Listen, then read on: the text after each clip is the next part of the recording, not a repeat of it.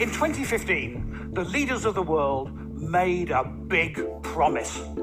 A promise that over the next 15 years, the lives of billions of people are going to get better with no one left behind. That promise is the Sustainable Development Goals, the SDGs.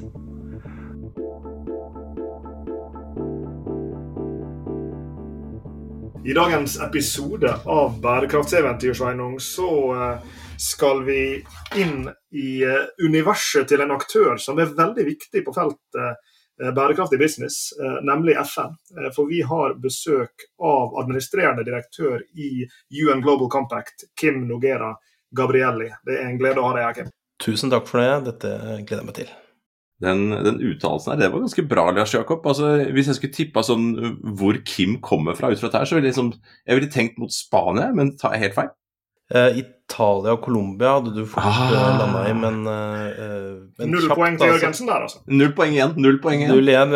Helt kjapt så er det 200 år siden Gabrielli kom til ah. Arendal og gifta seg med en norsk-nederlender. Så dette er en fin historie som vi sikkert kan snakke om en annen gang. Jo, jo, men det klinger altså det, det navnet Jeg går på det, det heter Sveinung, liksom. Altså sånn eh, eh Ganske stødig norsk variant. Det, er bare, det, er, det, klinger jo som musikk. Man blir nysgjerrig bare, bare, bare å høre navnet. Og fryktelig nysgjerrig på, på, deg og UN Global Compact, hva som rører seg i dette SDG.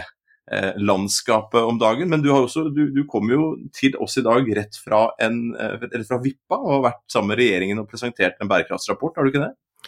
Jo, det er sjelden jeg er så fin i tøyet, hvis jeg kan få lov å si det selv, uh, i en podkast med slips og greier. Uh, kom løpende inn her. Uh, ja, i dag har bærekraftsministeren, hvis vi kan kalle han det, Nikolai Astrup, lagt fram regjeringens bærekraftsmelding, eller handlingsplanen for bærekraftsmålene. En etterlengta melding, kan vi si. Vi begynte å mase om det i FN-organisasjonen i 2015. Så, så, det kan vi sikkert snakke mer om, men veldig positivt. Og det som dere vet, det har jo kommet sirkulærstrategi og energimelding og klimamelding og uh, åpenhetslov. Altså Regjeringen har jo virkelig levert de siste månedene av sin denne perioden på Stortinget. Da. Så mye spennende å snakke om der. Ja, og hvis vi, eh, vi skal jo bevege oss mot, eh, mot FN, vi, Kim, som, som, ligger bak her. Og, og nær sagt har vært mye av det generatoren av det momentumet som, som, vi ser i dag. Men, men hvis, vi, hvis, vi, skulle ta kortversjonen av den bærekraftsmeldinga du har hørt presentert i dag, altså Sett fra et, uh, fra et UN Global Compact-hjørne uh, av ringen, da, hvordan, uh, hvordan syns du bærekraftsmeldinga ser ut? Ja, det, er to ting som er lagt fram. Det ene er rapporten, hvordan går det med Norge? og Den har jeg da lest og fått innsikt i. Mens bærekraftsmeldinga, altså den som ser framover, da, den har jeg bare fått noen bruddstykker av. Men la meg derfor si litt, om, litt mer om rapporten, og så litt om de bra tingene som selvfølgelig ministeren la fram i dag. da. Norge kommer på sjetteplass i verden i evne til å levere på bærekraftsmålene i Norge. Og det er det jo all grunn til å feire. Derfor så, som sagt, har vi tatt på findressen og tent kakelysene. Men, og det er litt viktig å si, for det er nemlig også en oversikt over hvordan Norges eh, Altså hvordan Norge har innvirkning på andre land, altså såkalt spillover-effekt. Eh, der er det også en rangering, og der kommer Norge på bunn ti. Altså betyr det at vi har et veldig stort negativt fotavtrykk på andre land og da kan vi trekke fram utslipp, selvfølgelig. Indirekte utslipp. Indirekte konsekvenser av produksjon, f.eks.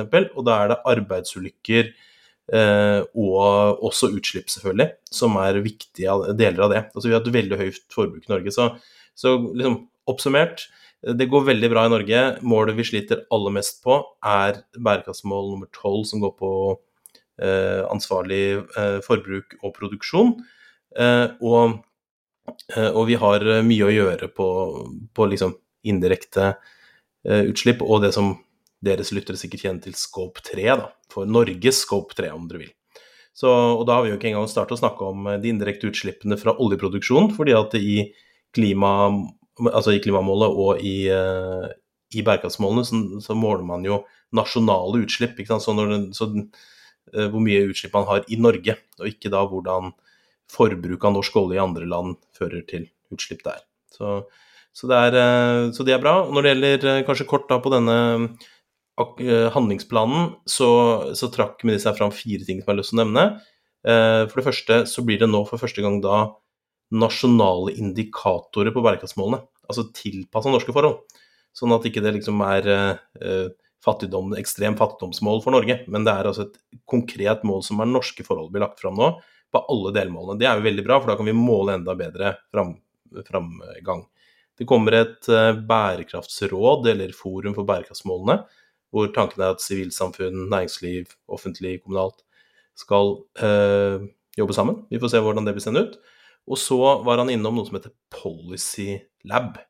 Ja, så det er da, hvis det første er litt sånn pratforum, som jo, altså det er bra å prate, for det må man ha en forankring, så skal man også ha en lab, da. Bruke lab, liksom innovasjonslab på policy, og det er litt spennende.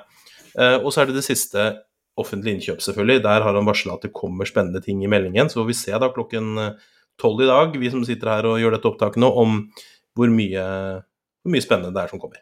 Så der spennende. er vi nå offentlige anskaffelser har jo lenge lagt i det er jo, det er jo, lagt der som et samtaletema i mange år. og Så får vi håpe at det endelig blir satt, uh, satt muskler bak, uh, bak, alt snakket. For det, ja, det, er mange muligheter der. Mye å ta tak i og mange andre land å se til. og Dette er jo også et favorittema som Abelia alltid løfter i vår podkast i Fremtidens næringsliv, som vi driver. Uh, og der er det, det er liksom gjengangeren til Øystein Søreide. Liksom offentlige anskaffelser og anbud. ja. Ja, og Fremtidens næringsliv det er jo podkasten som uh, Abelia og UN Global Compact uh, driver sammen. Der har jo vi fått være gjester en gang, og jeg har fått også lov til å reposte den episoden i, her i Bærekraftseventyr. Så, så den uh, anbefaler vi til, til, alle våre lyttere. Og, og, derfor, Du er jo her, Kim, med litt sånn dobbelt ansikt. Du er her som et fullblods bærekraftsmenneske, selvfølgelig, men du er her jo også med denne UN Global Compact-hatten på. Og Jeg kunne tenke meg å, å bare gi deg anledning til å gi litt kortversjon her. for jeg tror Eh, de fleste av våre lyttere, antageligvis alle, kjenner godt til SDG-ene, eh, bærekraftsmålene. Eh, mange, kanskje alle, kjenner til UN Global Compact, men det er ikke helt sikkert. Så kanskje du kan fortelle litt om hva UN Global Compact er for noe, hva dere driver med, og, hva som er nær sagt sammenhengen mellom UN Global Compact på ene sida og, og bærekraftsmålene, SDG-ene, og, det arbeidet til FN på den, på den andre sida. Det kan jeg prøve på. UN Global Compact, som man hører, United Nation Global Compact, er en FN-organisasjon. Eh, men så er det sånn i Norge så snakker man gjerne om FN, og det er jo liksom et myrade av organisasjoner. Tidligere jobba jeg i FNs barnefond, som UNCEF, som er et av den tredje største organisasjonene i FN i verden. Nå jobber jeg i lille UN Global Compact, som er en nettverksorganisasjon på mange måter. Så det som skiller altså UN Global Compact har uh, Guterres, altså generalsekretæren i FN, er vår styreleder globalt. Men i tillegg så er vi en hybridorganisasjon. Altså Vanligvis er jo FN-organisasjonene eid av statene, men her er det altså bedriftene som sitter i styret vårt, sammen med noen stater. da. Eh, så sånn ser det ut i det store bildet. Vi er da det største eh, bærekraftsnettverket for bedrifter i verden, med 13 000 bedrifter som medlemmer. I Norge så vi nå, har vi passert 300 medlemmer. Uh, og, og, det er en slags hybrid, da, kan du si. På én side en veldig liksom, hovedkontor i New York osv. Og på en annen side en organisasjon som da har eh, bedrifter som medlemmer, og et medlemsdemokrati. Så vi har en norsk styre i Norge som ledes av Cermaq, da f.eks. Eh, og så er det spørsmålet hva vi faktisk driver med, for det er jo kanskje det du er mest interessert i å høre noe om. Eh, vi tenker jo at det er ikke åpenbart for alle i næringslivet hvordan du omsetter disse store bærekraftsmålene til hverdagen din. Eh, og vi ser det gjennom eh, en, en, lupe som er kjent for dere. Vi ser det gjennom en skygge og en solside.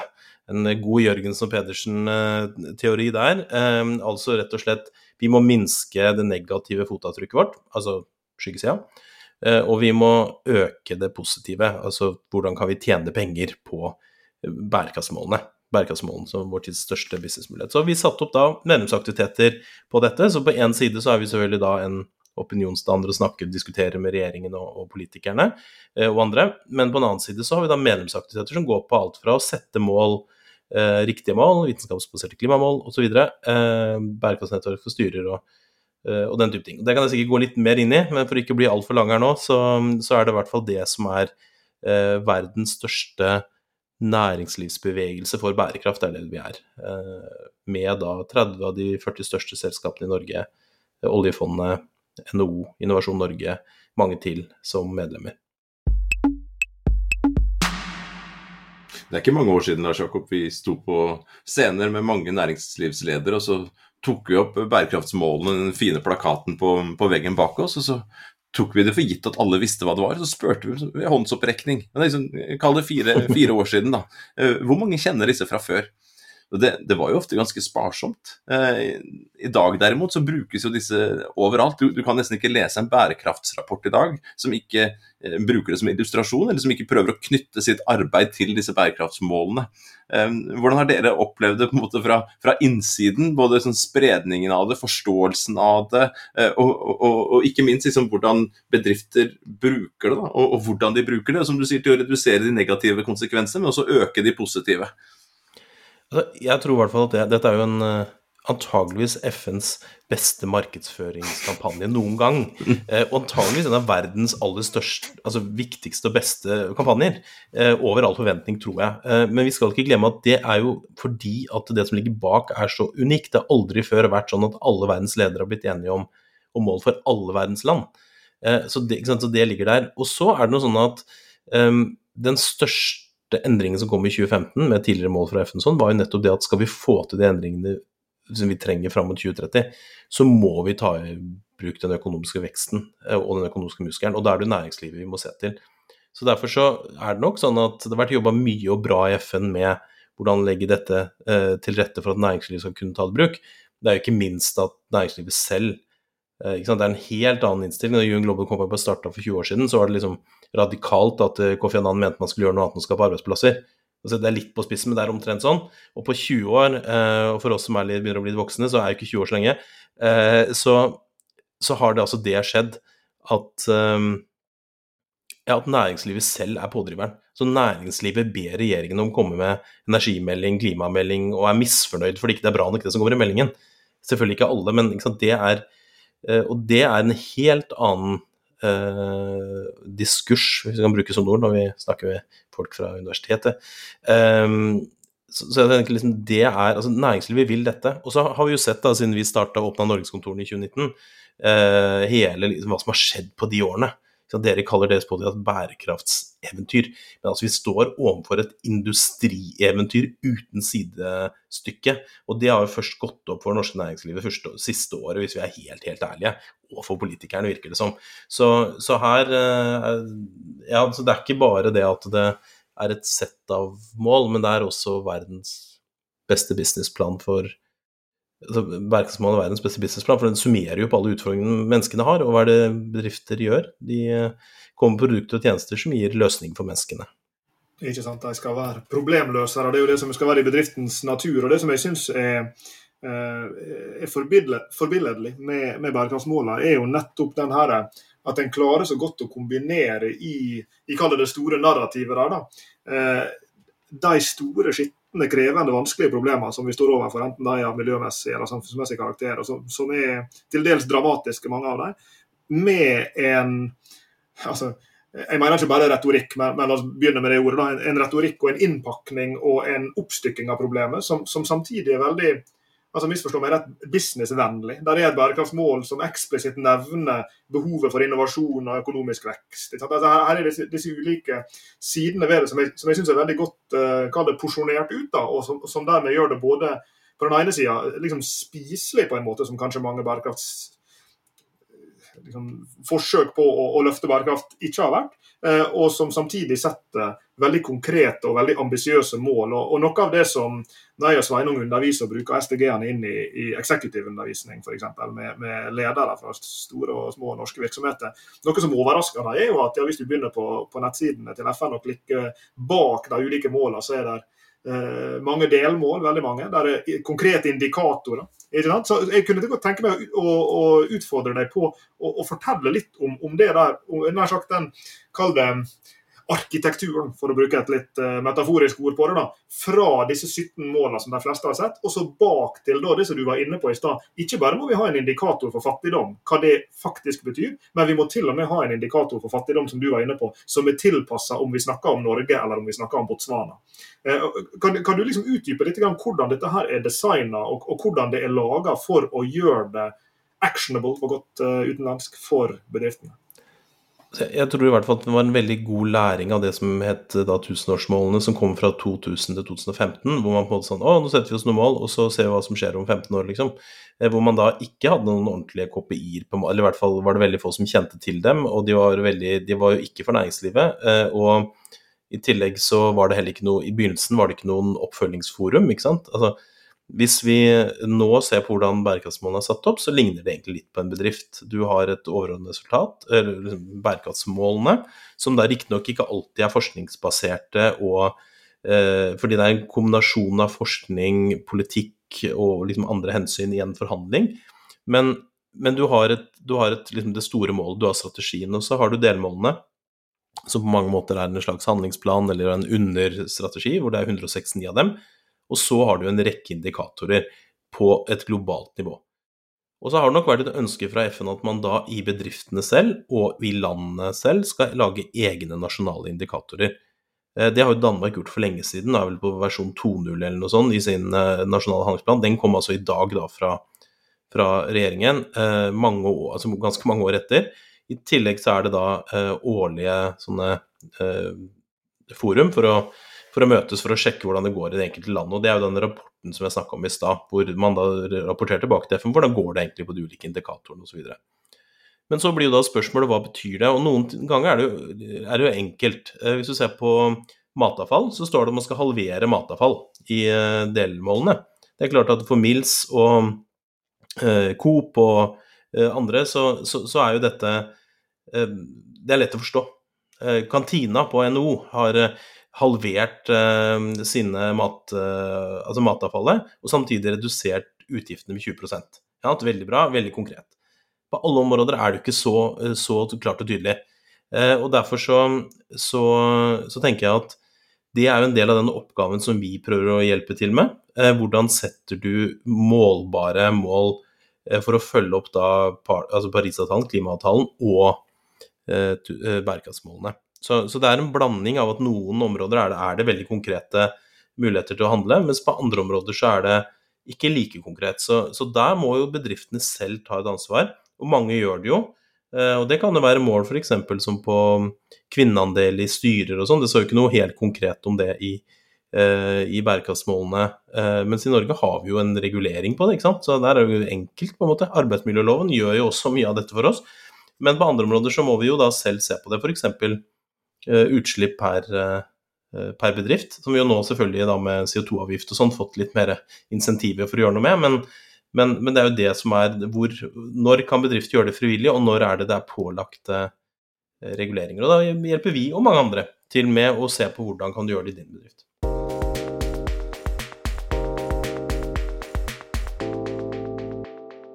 Det er mye snakk om vesentlighet om dagen. Uh, materiality på pent. Uh, og vi er jo mm. glad i å nerde litt, og vi nerder jo litt innimellom rundt dette her. Men det som på en måte har vært uh, i en nerding og noe man drev på på siden ser vi noe i bærekraftsrapportene. Så sammen med eh, SDG-ene, altså bærekraftsmålene i rapportene, så ser vi også det blir ofte satt sammen med diskusjoner rundt, rundt vesentlighet. Hva er egentlig viktig? Jobber dere eh, også med disse problemstillingene og prøver å forene disse bærekraftsmålene og disse indikatorene med eh, disse vesentlighetshensynene eh, i, i, bedriftene, eller, eller er det liksom litt sånn to parallelle verdener? Nei, absolutt. Altså, det er jo, Hvis du spør nesten hvilket som helst av våre medlemmer, eh, både store og små, som da, og det er jo eh, en god blanding av de, så, så, vil de jo ofte svare det. At nå må vi få gjort, eller vi har gjort en vesentlighetsanalyse. Hvor er det vi har størst positivt eller negativt fotavtrykk? Så, så absolutt. Um, et helt konkret eksempel er jo særlig for små og mellomstore som kanskje ikke har en gruppe da, med 20 ansatte på bærekraftsområdet, eh, kanskje ikke har noen i det hele tatt, det er noen andre som har ansvar for det, så, så har vi utvikla et et tool så fint som det heter, eh, som da heter SDG Action Manager. Og da er det sånn at Man går inn og så velger man hvilken bransje man tilhører, og så får man anbefalt hvilke mål man da skal ta tak i først. Kan man selvfølgelig gjøre alle 17 målene, eller 16 pluss samarbeidsmålet. Men der er det nettopp en sånn veldig enkel vesentlighetsanalyse. da, eh, på en måte For å se i din bransje er, hvor er det sannsynligvis at skoen trykker aller mest. Eh, så det går nok fra en sånn den type, til at man er veldig kompleks. Da, I noen av de aller største bedriftene i Norge så er man jo virkelig gode på dette og har et ordentlig rammeverk for hvordan man gjør det, og bruker sannsynligvis også eksterne eh, som, enten, som, hjelper til med å, å se det i sammenheng. Da. Så, og det er jo viktig, selvfølgelig, for å ta valg, strategiske og kloke valg. Det å også vite hvor du faktisk kan eh, få mest igjen for innsatsen. Det gjelder jo både økonomisk og økonomisk vekst, men det gjelder selvfølgelig også på bærekraftsområdet. Kan jeg stille et oppfølgingsspørsmål som, som jeg tror det ikke finnes noe lett svar på, men vi kan forsøke å drodle litt, litt rundt det. Det er podkastmat, er det ikke det? Eh, ikke sant, det er det. Og, um, altså, i, i, hele vesentlighetslogikken ligger jo det akkurat som, som du er inne på, en, en sånn strategisk prioritering. Eh, og, og, så er det jo en gang sånn at, at noen typer problemstillinger kanskje er mer sannsynlig at de blir strategisk prioriterte, enten fordi at de ligger veldig tett på det som er kjernebusiness i en bestemt bransje. Eh, det kan være bestemte miljøsider ved fiskeoppdrett, det kan være eh, ansvarlig produksjon og konsum for, for varehandelsbedrifter osv. Så, videre. så det er liksom noen ting som, som, du ville tenke i det aggregerte bildet da ble prioritert. Um, og, og da vil jo alltid risikoen være at det systematisk, ikke fordi at noen ønsker det eller fordi at noen aktivt velger sånn, men at noen ting blir litt systematisk nedprioritert. Fordi at en prioritering alltid vil innebære nedprioritering av, av noe annet. Er det noen av bærekraftsmålene du, du er, særlig bekymra for, for å si det på den måten? Altså Er det noen typer problemstillinger som du tror vi kanskje må sette inn et ekstra støt for å få for å få løst, fordi at de ikke nødvendigvis blir aktivt prioritert av bedriftene som hver under sitt tak skal strategisk prioritere hvilke bærekraftsproblem som, som er viktig for deg å håndtere. Skjønner du, skjønner du hvor jeg vil hen? Absolutt. Og det er kanskje to måter å svare på det på. Det ene er jo, jo spørsmålet om hvem er den mest aggregerte delen av en bedrift. Det er jo et styre. Eh, sånn, litt forenkla sagt så er det jo det. Og der ser vi jo at uh, styrets tre hovedroller med risikostyring, økonomisk styring og mer sånn strategisk uh, styring da, eller utvikling, så ser vi at tradisjonelt så har bærekraft og samfunnsansvar vært i risikobiten. Så det negative fotavtrykket. Nå tror jeg vel kanskje at vi er i vei over dit nå at man også ser på, på mulighetene som ligger der. Um, men jeg tror at det er en endring der. Det er jo derfor vi også startet bærekraftsnettverk eller program for styremedlemmer nå. Fordi at vi tror at det er stort behov for å, å, å, å tvike den over liksom, også i mulighetsrommet. Når det gjelder bærekraftsmålene, så gjør UN Global Compact hvert år en, en eh, såkalt progress report, hvor man ser på hvilke bærekraftsmål er det som blir prioritert aller mest eller minst. Og det var, eh, PwC har vel også gjort en, en, på Norge hvor man da ser hvilke mål er det som kommer høyest. Og ikke overraskende så, så både nasjonalt og i, i globalt så kommer klima og likestilling og altså vekst og, og og nummer åtte, altså med eh, arbeidsvilkår, kommer høyt opp. ikke sant? Fordi det man er vant til å tenke på, det er, det er nærliggende å tenke på det. Så ser vi jo at uh, den internasjonale undersøkelsen, så ser vi at det hav er det som gjør det aller dårligst. Nå ser nok det litt annerledes ut i Norge fordi at det er så mange havbedrifter. Men det er helt klart at Og det er jo da livet under vann. Uh, og det er jo noe av det vi ser at det er utfordring på. Altså biomangfold. Det kommer jo veldig, trender veldig. ikke sant? Alle snakker om natur og vitenskapsbaserte naturmål kommer også, i tillegg til disse klimamålene. Så, så det er nok noen eksempler. Eh, og så ser vi også, så, så biomangfold er et sånt område.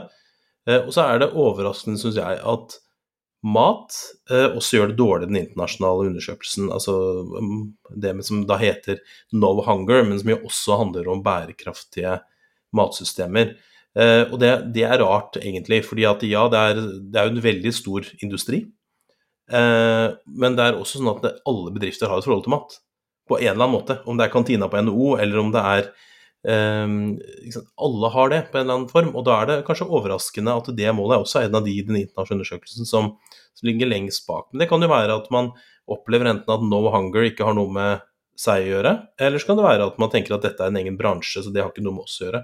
Eh, men det er litt bekymrende ikke sant? at både naturmangfold og matområdet i en tid hvor vi ser at begge deler er sterkt under, under påtrykk. Eh, både når det gjelder sult i, i utviklings- eller lav- og mellominntektsland, som har økt veldig under pandemien, eh, men også da selvfølgelig Uh, selvfølgelig dette med natur og biomangfold, som vi vet at det er under ekstremt press. og Det er en av tingene som pekes på den rapporten fra Norge, at her er Norge også en synder. Og hvor havområdet faktisk er et av de områdene hvor Norge sliter mest. Og Eh, uten at jeg har noen tall på det. Altså, Oslofjorden er et eksempel på at Norge har mye å gå på også i eget land, ikke bare der ute. Mm.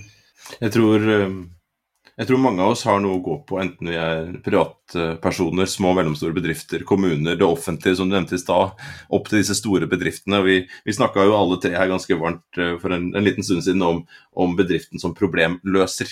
Uh, og vi ser jo og, og at I det minste så er man helt avhengig av det. Skal vi da snu disse her skyggesidene om til, til, til muligheter, så, så, så, trenger vi bedriftene.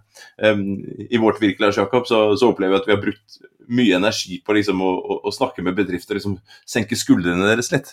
Fordi, og, vi opplever at de kan være litt sånn engstelige eh, for å begynne å kommunisere det, f.eks.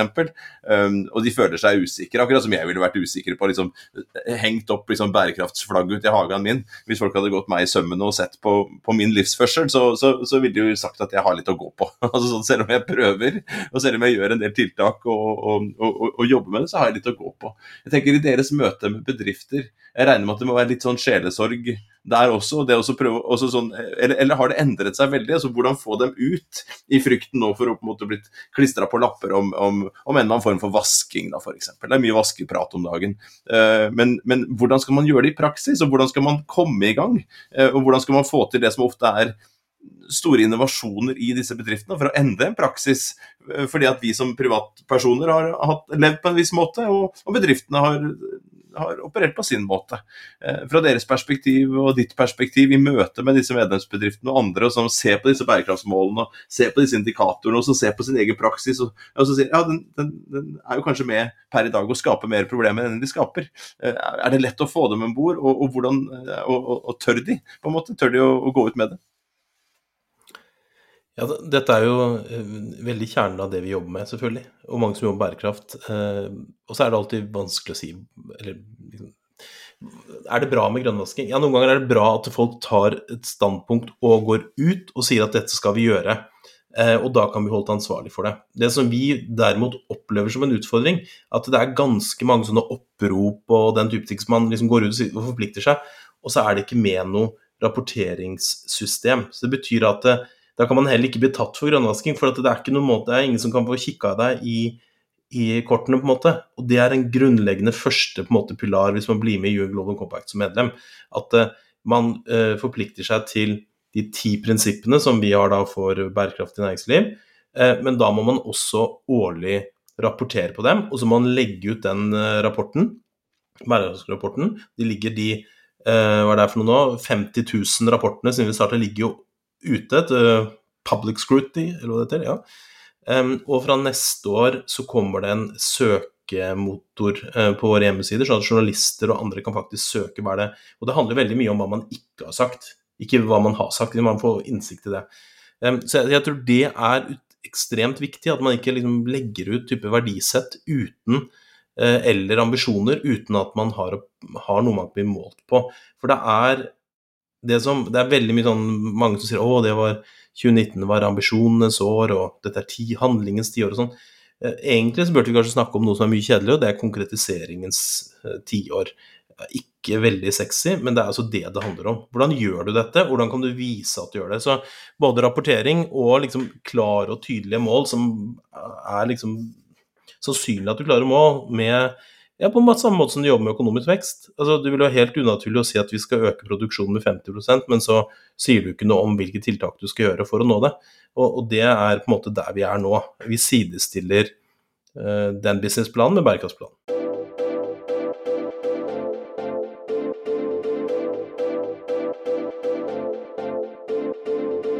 Jeg og Sveinung, eh, sammen med vår gode kollega Aksel Mjøs, som er finansmann, eh, har gjort en studie i, i koronaåret Eh, som er forhåpentligvis snart trykkes i et tidsskrift nær deg.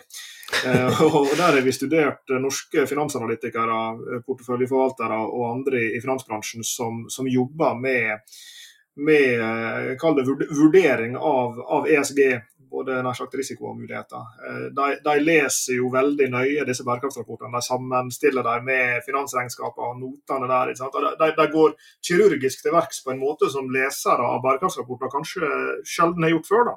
Eh, og Dette er jo noe av det som vi, vi opplever som, som, et av de mest spennende, og kanskje mest apropos konkretiseringens tiår. Altså at, at den konkretiseringa kanskje vil bli framprovosert nå, ikke minst av disse finansaktørene, som vi vet er fryktelig flinke til å, til å gå kirurgisk til verks og bore seg veldig langt ned.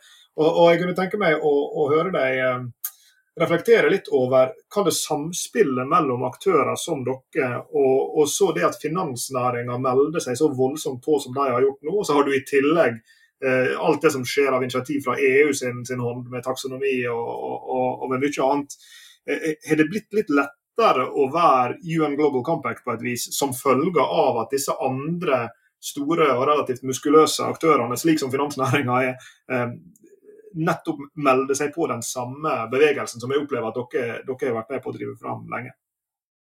Jeg tenker det er, eh, Forenkla sagt så er det i hvert fall tre drivere som gjør at vi får til de endringene vi ønsker oss. og Det ene er jo eh, myndighetene, det andre er forbrukerne, og det tredje er finans og investeringene. Eh, og så selvfølgelig da næringslivet selv. Men altså de, hvis vi får de tre på laget, så, så, vil ting endre seg. Jeg opplever at finans har vært på laget ganske lenge. Vi har hele finansnæringa, altså de største aktørene fra oljefondet, altså NBIM da, og DNB nedover til sparebankene som medlemmer. Jeg opplever at de har vært de som kanskje har vært aller lengst foran. Det viser jo også noen av disse EU-undersøkelsene som er gjort for regjeringen, hvilken bransje som ligger langt framme. Så kan det fortsatt sies at det er mange andre land, og jeg vil påstå at kanskje finansbransjen ligger enda litt lenger framme. Eh, myndighetene har jo kommet voldsomt etter det siste halve året. Eh, og selvfølgelig ikke, ikke alltid fordi norske politikere vil det, men fordi at EU-politikerne tvinger dem til det. Eh, og det tenker jeg at sant, Får vi til dette, eh, at både finans og reguleringer, så har vi kommet et langt stykke på vei. Så skal det sies at norske forbrukere de flytter seg også i riktig retning, men øh, svenske forbrukere er altså langt øh, foran, har i hvert fall vært inntil nå i undersøkelser, hvor øh, når norske forbrukere får valget mellom et f.eks. en sparekonto du tjener mer penger på, eller en, en bærekraftig sparekonto du ikke tjener like mye penger på, så velger du fortsatt der du tjener mest penger. Um, mens i Sverige har det vært motsatt.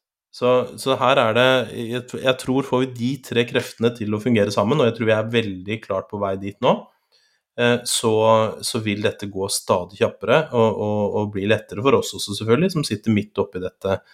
Uh, og sånne ting som åpenhetsloven som kom nå, og da kravene til finansaktørene, som er en direkte konsekvens av eh, taksonomien her i Norge, eh, det vil drive dette i riktig retning. Eh, men nå skal det sies at det er bare 40% av næringen eller industrien som er omfatta av EUs taksonomi. Og det sier jo noe om at kanskje gapet mellom noen industrier og andre vil øke. Så det er jo et tankekors å tenke på, og får håpe at flere blir involvert etter hvert tema i dag. Altså bærekraftig business i SDG-enes tid. SDG-enes tid, altså Sustainable Development Goals. Så vi, vi har fått liten, et innblikk her både av, av, målene, hvordan de er bygd opp, hvordan dere jobber med det i UN Global Compact, hvem dere er. Um, er du optimist, eller Kim? Hva er det man skal si, er vel eh, det man kan kalle for en betinget optimist. Det er sånn man er i FN. Da man liksom Ja, selvfølgelig skal vi nå målene, men Eh, og så er det jo alltid sånn Når vi målene eller ikke, det er et spørsmål som egentlig ikke hjelper oss så mye nærmere, på en måte. Men det jeg er, er jo eh, veldig sterk tro når jeg ser hvor fort det har begynt å skje nå. Og nå, ikke sant, som jeg sa, regjeringen Og fy søren, altså, nå har de liksom virkelig slått det siste halvåret. Eller det er jo Stortinget, da, det hele det politiske miljøet. Um, og da liksom finans og Nei, dette her Ja, jeg tror jeg, jeg er optimist. Eh, men det er noen forutsetninger. Du kjenner jo verden. altså sånn der, eh, Gjennom arbeidet ditt, eh, hvis jeg ikke tar helt feil, så har du vært i FN siden 2012. Du har jobbet globalt også før det med, med, i andre, andre virksomheter. Er, er dette et sånn norsk fenomen, eller? Altså, det, er jo, det ligger jo i den norske naturen å synes det er bra å komme på topp ti i sånne verdenskåringer. Eh, og så blir det kanskje ikke like mye oppmerksomhet når man faller ned 15 plasser og sånt, fordi man tar med klimautslippene i det, noen andre undersøkelser som har blitt gjort. Ehm, men, men, det som er eh, greia, er jo at vi er jo veldig godt posisjonert for å få til disse endringene. Og det er klart Noen land har ikke den samme muligheten som det vi har. Så det er klart Når jeg sier at jeg er optimist, så med nettopp betinga, så er det jo sånn at eh, det er en større snuoperasjon da, for Kina for eksempel, enn det er for Norge. Det er litt flere mennesker, og det er litt større greie å, å få til. Eh, så det er klart at det her det vil kreve Det er ganske krevende politisk arbeid dette her eh, i store land og steder hvor man ligger, er på et annet sted i verden. Så, så, det er klart at det er utfordrende. Jeg tror ikke vi skal legge noe skjul på det, men at vi tar steg i riktig retning, eh, særlig fordi at mye av industrien jo drives av det som skjer i, i hvert fall tradisjonelt i det som skjer i, i såkalte vestlige og nordlige land. Eh, det, det, er en optimisme jeg har, i hvert fall. Ja, jeg spør litt sånn norsk fenomen, nordisk, europeisk ikke sant, i verden. Eh, vi har jo hatt en diskusjon her hjemme også med denne, denne pinnen. Jeg bor på Lillehammer, så vi er jo glad i pins. Eh, så det, det der, det der pinnen med, med, med, denne flotte ringen på, med disse farvene som representerer disse eh, bærekraftsmålene, da. Er det sånn at den kan gå med den fritt omkring i hele verden, eller er, er, er, møtes det møter en motstand, altså sånn, og reell motstand. Du nevnte ett land der, men andre land er det sånn at liksom, og Fra FNs ståsted også, at det, at det, er områder hvor det er vanskelig å forankre dette her. At det, at det oppleves liksom sånn, si sånn nordisk, sosialdemokratisk eh, eh, antibusiness. Eh, hva er dine refleksjoner rundt det, sånn i et mer sånn globalt perspektiv? Jeg lurer på om det var han eh, økonomen Stiglitz som sa at dette var SDGs, var det Social Democratic Goals. At det var noen politikere som hadde fått lurt det inn. Eh, det er nok noe i det at her er det um, forsøk med en god balanse av dilemmaer, som man kanskje kan si at den nordiske eller norske eller nordeuropeiske modellen uh, balanserer ganske bra. Men det er klart at det er ulikt. Altså hvis vi, jeg ser jo det nå, vi, vi har mange ansatte hos oss nå fra bl.a. fra tidligere NHO-studenter som kommer fra mange land. Fra, ja, fra Kina, India, Russland, mange steder. Eh, og det å liksom prøve å forklare dem at nå må dere fagorganisere dere her på huset. Eh, som leder så har jeg egentlig ikke noe med det å gjøre, ikke sant? men jeg vil jo gjerne at de skal det. For da jeg, kan jeg forholde meg til fagforeninga, til, til én representant. Som, det er veldig vanskelig. Det er klart at det er jo indoktrinert her hjemme. Eh, sikkert eh, mest på godt, men sikkert også med noen utfordringer. Mens i andre land så har man ikke noe forhold til det. Man har forhold til noen, noen fagforeninger som står på gata og på en måte eller veldig mange fagforeninger som ikke er samkjørt. Og det, og det, er klart at Sånne type ting gjør jo at det blir vanskelig å levere på de bærekraftsmålene som, som da er veldig naturlige i Norge, og som er inn, liksom innbygd i lovverket her, men som i andre land eh, kanskje er innbygd i lovverket på en eller annen måte, men som ikke da Det er ikke noe tilsyn for å følge det opp. ikke sant? Så så, så det, er nok, eh, det, er nok, ulikt fra land til land, men det som jeg opplever er at det er en enighet på et overordnet nivå, og mange land forsøker jo eh, på sitt vis å komme nærmere bærekraftsmålene. Og så pleide vi å si i UNCEF når jeg jobba der, at utviklingslandene utvikler verden. Den forståelse av at vi tenker veldig komplisert her oppe eh, i Norge. Eh, VIPS ble ikke utvikla på NTNU. Det kom, ikke sant, det, er litt ulike I hvert fall Safari kom, mener de utvikla det. Eh, det var ikke noe nytt. Det var bare å bruke eksisterende teknologi om igjen. Og det er nok noe av det som er poenget her, at man hopper over eh, litt eh, leapfrogger, eller hva det heter for noe, eh, litt sånn stadier. Så, så, det er et håp at det som vi har brukt mange år på å få fram i, i Norge og Norden, det kan kanskje gjøres på andre måter og på bedre måter, som igjen da blir reimportert til våre land.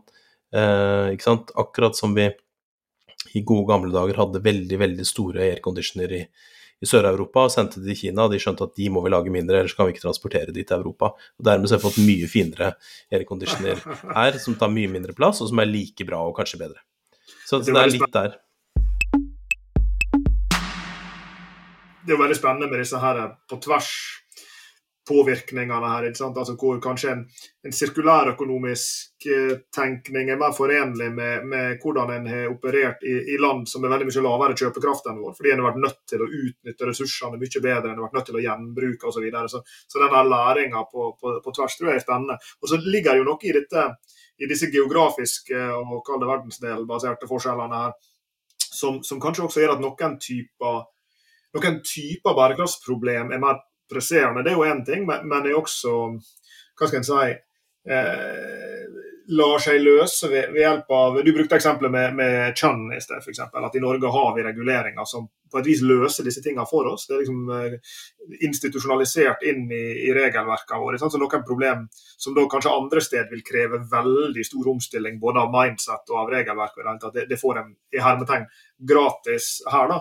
Eh, og En ting som vi ikke har adressert direkte ennå, men vi har vært inne på det, det er jo denne skillelinja mellom de miljømessige bærekraftmålene på den ene sida og den sosiale på den andre sida. Og, og, med headingen 'bærekraftig business' her, da, så vet vi jo det at det er en del miljømessige bærekraftsmål som, som har en ganske sånn direkte link til, til lønnsomhetsspørsmål. Det kan være fordi at det er CO2-avgift eller vannavgifter som gjør at klarer du å kutte CO2-bruk eller vannforbruk, så er det fordelaktig. og Det, kan være veldig mange andre grunner til sirkulærøkonomi likeså, til at en klarer å, å, å liksom løse miljømål på måter som samtidig kan være forenlig, med lønnsom vekst.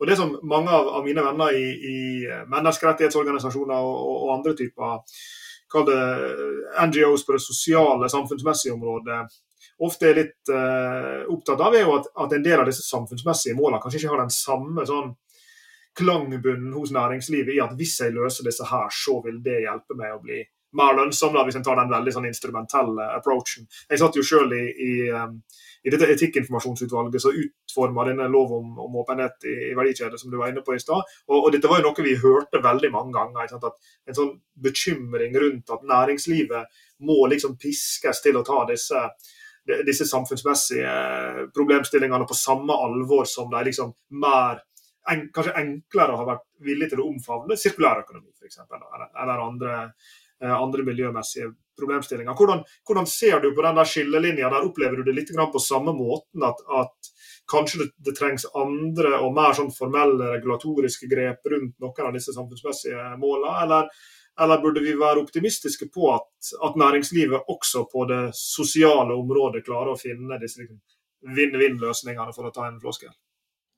Altså, som, du jo egentlig sier, så, så, må vi jo ha begge deler, selvfølgelig. Og det er klart at vi er heldige i Norge som har veldig mye regulatorisk på, på mye av dette. Det er mange hygienefaktorer på arbeidsmiljøloven f.eks. Som, som mange andre land ikke har, har, på samme måte. Og det er klart det er, det er utfordrende der ute.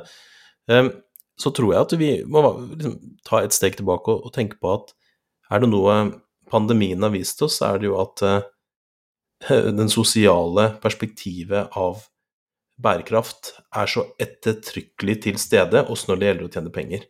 Om det da, som er liksom det åpenbare, er vaksineutvikling, uh, eller om det er medisiner, så, så her er det ekstremt mange businessmuligheter. Vi må bare tenke på det på den måten også. Og det er jo, jeg tror at en av grunnene til Min hypotese er for denne grunnen til at vi ble etablert i Norge av det norske næringslivet, og at vi har gått fra 100 til 300 medlemmer da på, på to år, det er jo nettopp det at det ikke fantes en organisasjon som hadde et særlig fokus på bærekraft som businessmulighet på den måten som vi har gjort, og som samtidig hadde et fokus på det sosiale bærekraften. Mange aktører på det, klimamessige, miljømessige, og det, det, er nok sånn at riktig, man er litt på leting, men samtidig man begynner å se litt etter, da, så er det mange eksempler. Om det er da denne roboten som alle kjenner til på undervisning for barn som ikke kan gå på skolen, uh, eller om det da er vaksiner, eller om det er digitalisering ikke sant, som, uh, av ulike tjenester. Og så er det en diskusjon selvfølgelig hva, altså hvor mange offentlige tjenester f.eks. skal og hvordan skal det private næringslivet gå inn i det. Og Det er jo veldig varierende fra land til land, og selvfølgelig også en prinsipiell og, og, diskusjon som, som, eh, mange er opptatt av. Så, så, her, jeg tror at vi kommer til å se en, en eksplosjon i dette også, og jeg tror at det, at det kanskje helsekrisen vi har stått i nå, var en, en, på en måte en liten sånn vekker for oss alle. Så, så, jeg er nok litt mer optimistisk, eh, samtidig som jeg tror at vi må ha gode reguleringsverk altså, uh, regulering på plass. Og dette er noe som Finans har pekt på lenge, ikke sant? ESG, og at den liksom, S-en har vært litt vanskelig å få til. Men der ser vi også en stor endring for at man bare snakker om barnearbeid, og man nå også snakker om familievennlige arbeidsplasser f.eks., som, som oljefondet jo har vært en veldig pådriver for, etter at vi den gangen inngikk en samarbeidsavtale med dem eh, mellom UNCEF og, og oljefondet. Så, så, her er det, det er mange positive bevegelser nå. Jeg tror den pila nå slår litt tilbake, etter at det har vært veldig mye fokus på klima naturmangfold, helse eh, dukker opp liksom eh, på en, et annet omfang, da. Så jeg er da også der, eh, betinget optimist. Så Ja, altså vi som jobber med dette feltet, da vi vi pleier jo å si det jævla Jakob, at vi går liksom fra å være liksom stå opp og, og, og, og, juble og være optimist til å ligge liksom i fosterstilling under ja, ikke sant? ja, under, sånn. under pulten. Og så går det sånn pendel fram og tilbake, ikke sant. Og, så får man jo noen sånne noen oppvåkninger innimellom, og man ser noen bevegelser, og så håper man at de bevegelsene er positive, og at de virkelig er med og, løser de problemene, og ikke, ikke skaper bare enda flere. Men uh, vi har jo hatt uh, studenter, vi, som har uh, eksempel, som har vært hos dere eh, som intern, som du fortalte i stad, som, som, som, som, viser et sånn voldsomt engasjement. Og vi ser jo en sånn sult hos den yngre garden, men etter hvert også eh, hos eh, folk på, på si, Gamle folk som oss, i, i middel, middelaldrende. Til og med ja, det, det, vi ser jo at, at hvert fall et ønske om mer kunnskap. Det er det. Men om det skjer fort nok og, og riktig nok, det, det vet vi jo ikke. Men det er jo hyggelig da, å, å høre at du i hvert fall er liksom betinga optimist. Det må, jeg, det må jeg si. Og fra optimismen eh, og over i uh, å løfte blikket og kikke inn i, i horisonten, da, Kim, i, i det vi, uh, vi, begynner å bevege oss inn mot, mot landinga for denne samtalen. Nå, nå, skal ikke vi be deg være konkret på akkurat hva som kommer i neste fase for UN Global Compact, og hva som nær sagt når SDG-ene sin sånn aksjonsperiode er over, hva, hva er det som, som vil, vil, følge etter. Men, men litt sånn å, å løfte blikket fremover. Hva er det som du tror vil være de viktige de viktige utviklingstrekkene. Og da tenker jeg ikke kun i, i, i FN-systemet, men i det store bildet. Hvor, hvor, er vi på vei hen for å sørge for at det momentumet som, som alle disse utviklingstrekkene vi er inne på nå, altså det som har med, med SDG-ene å gjøre, det som har med EU sin taksonomi å gjøre, og, og lokale, nasjonale initiativ å gjøre, hva, hva er liksom de neste puslespillbrikkene som, skal, som, som må på plass for at, at vi også forbi 2030 opprettholder momentumet mot en bærekraftig fremtid?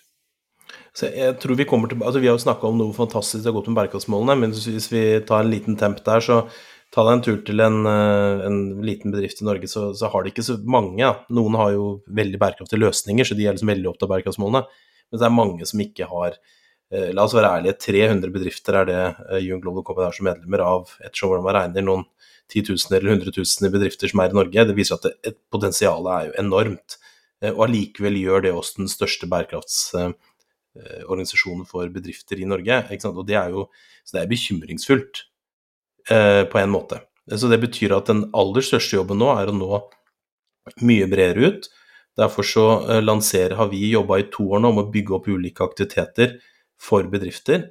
Eh, som har blitt kanskje det, det, mest hva skal vi si, det mest omfattende eh, bærekraftsaktivitetene for bedrifter i Norge. Mens til høsten så tar vi steget videre, og jeg tør påstå, vi kommer i hvert fall til å kalle det det, eh, at vi lanserer det mest ambisiøse bærekraftsprogrammet for bedrifter i Norge, eh, sammen med en rekke aktører, både da på dette med innovasjon og businessmulighet, og dette på ansvarlighet, som vi har snakka om i dag. Eh, når det gjelder utover 2030, så tror jeg nok at mange vil ønske seg en slags vesentlighetsanalyse. Når vi kommer til 2030, hvilke mål har vi nådd, hvilke har vi ikke? Klarer vi da å eh, velge ut spissa mål og sette inn enda mer eh, kraft og fokus på det. Eh, jeg håper det er mulig. Om det er mulig i en eh, politisk forhandling mellom nærmere 200 land eh, som er veldig ulike, det vil nok framtida vise. Men det som i hvert fall denne øvelsen har gjort nå, er at man også har fått inn næringslivet, noe som jo var helt uvant før 2015. Og det tar jo tid å få de med. Så jeg tror det aller viktigste nå er å få med næringslivet også utover 2030. Få de ned i grøten. Hva er det vi faktisk skal jobbe med? Og det er i hvert fall det vi i UN Global Compact skal bidra med. Jeg håper at vi har basert i hvert fall 1000 medlemmer da, når vi kommer til 2030, kanskje flere. Eh, og det skal være vårt oppdrag. Vårt oppdrag, eh, oppdrag 2030, det er å levere de beste aktivitetene og sørge for at vi i næringslivet i hvert fall kan stå med ryggen rak i 2030, så at vi har gjort vårt så langt, men det er fortsatt mye, mye mer som må gjøres. Så det hadde vel vært liksom mitt, eh, min sluttpitch, hvis du hadde bedt om det. Eh, så, så, det er liksom der vi er nå, tror jeg. Jeg kjenner jeg blir beint fram optimistisk, jeg, Svein. Og sola skinner. Kim sitter her med, med, slips og pendress, og vi ser at her er fryktelig mange ting som skjer på bærekraftsfeltet eh, vi har snakka om mange av de lange linjene her nå. Vi vet at i dag tidlig skjedde noe spennende i Oslo som vi i dagene og ukene fremover får se konkretiseringa eh, av. Så, så, vi eh, gleder oss til å, å følge deg, Kim, og, og, det viktige arbeidet dere gjør i, i UN Global Compact eh, fremover. Og så sier vi nå takk for at du var med oss på bærekraftseventyret i dag. I like måte, og tusen takk for at jeg fikk lov å være med på dette eventyret av en podkast. Du har hørt på Bærekraftseventyr med Jørgensen og Pedersen. Send e-post til eventyr.krøllalfa.jorgensenpedersen.no for å stille spørsmål eller komme med forslag til tema for fremtidige episoder.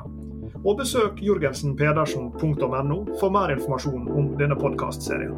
Derfra kan du også fortsette samtalen med oss i sosiale medier på Twitter, Facebook, LinkedIn, YouTube og andre steder.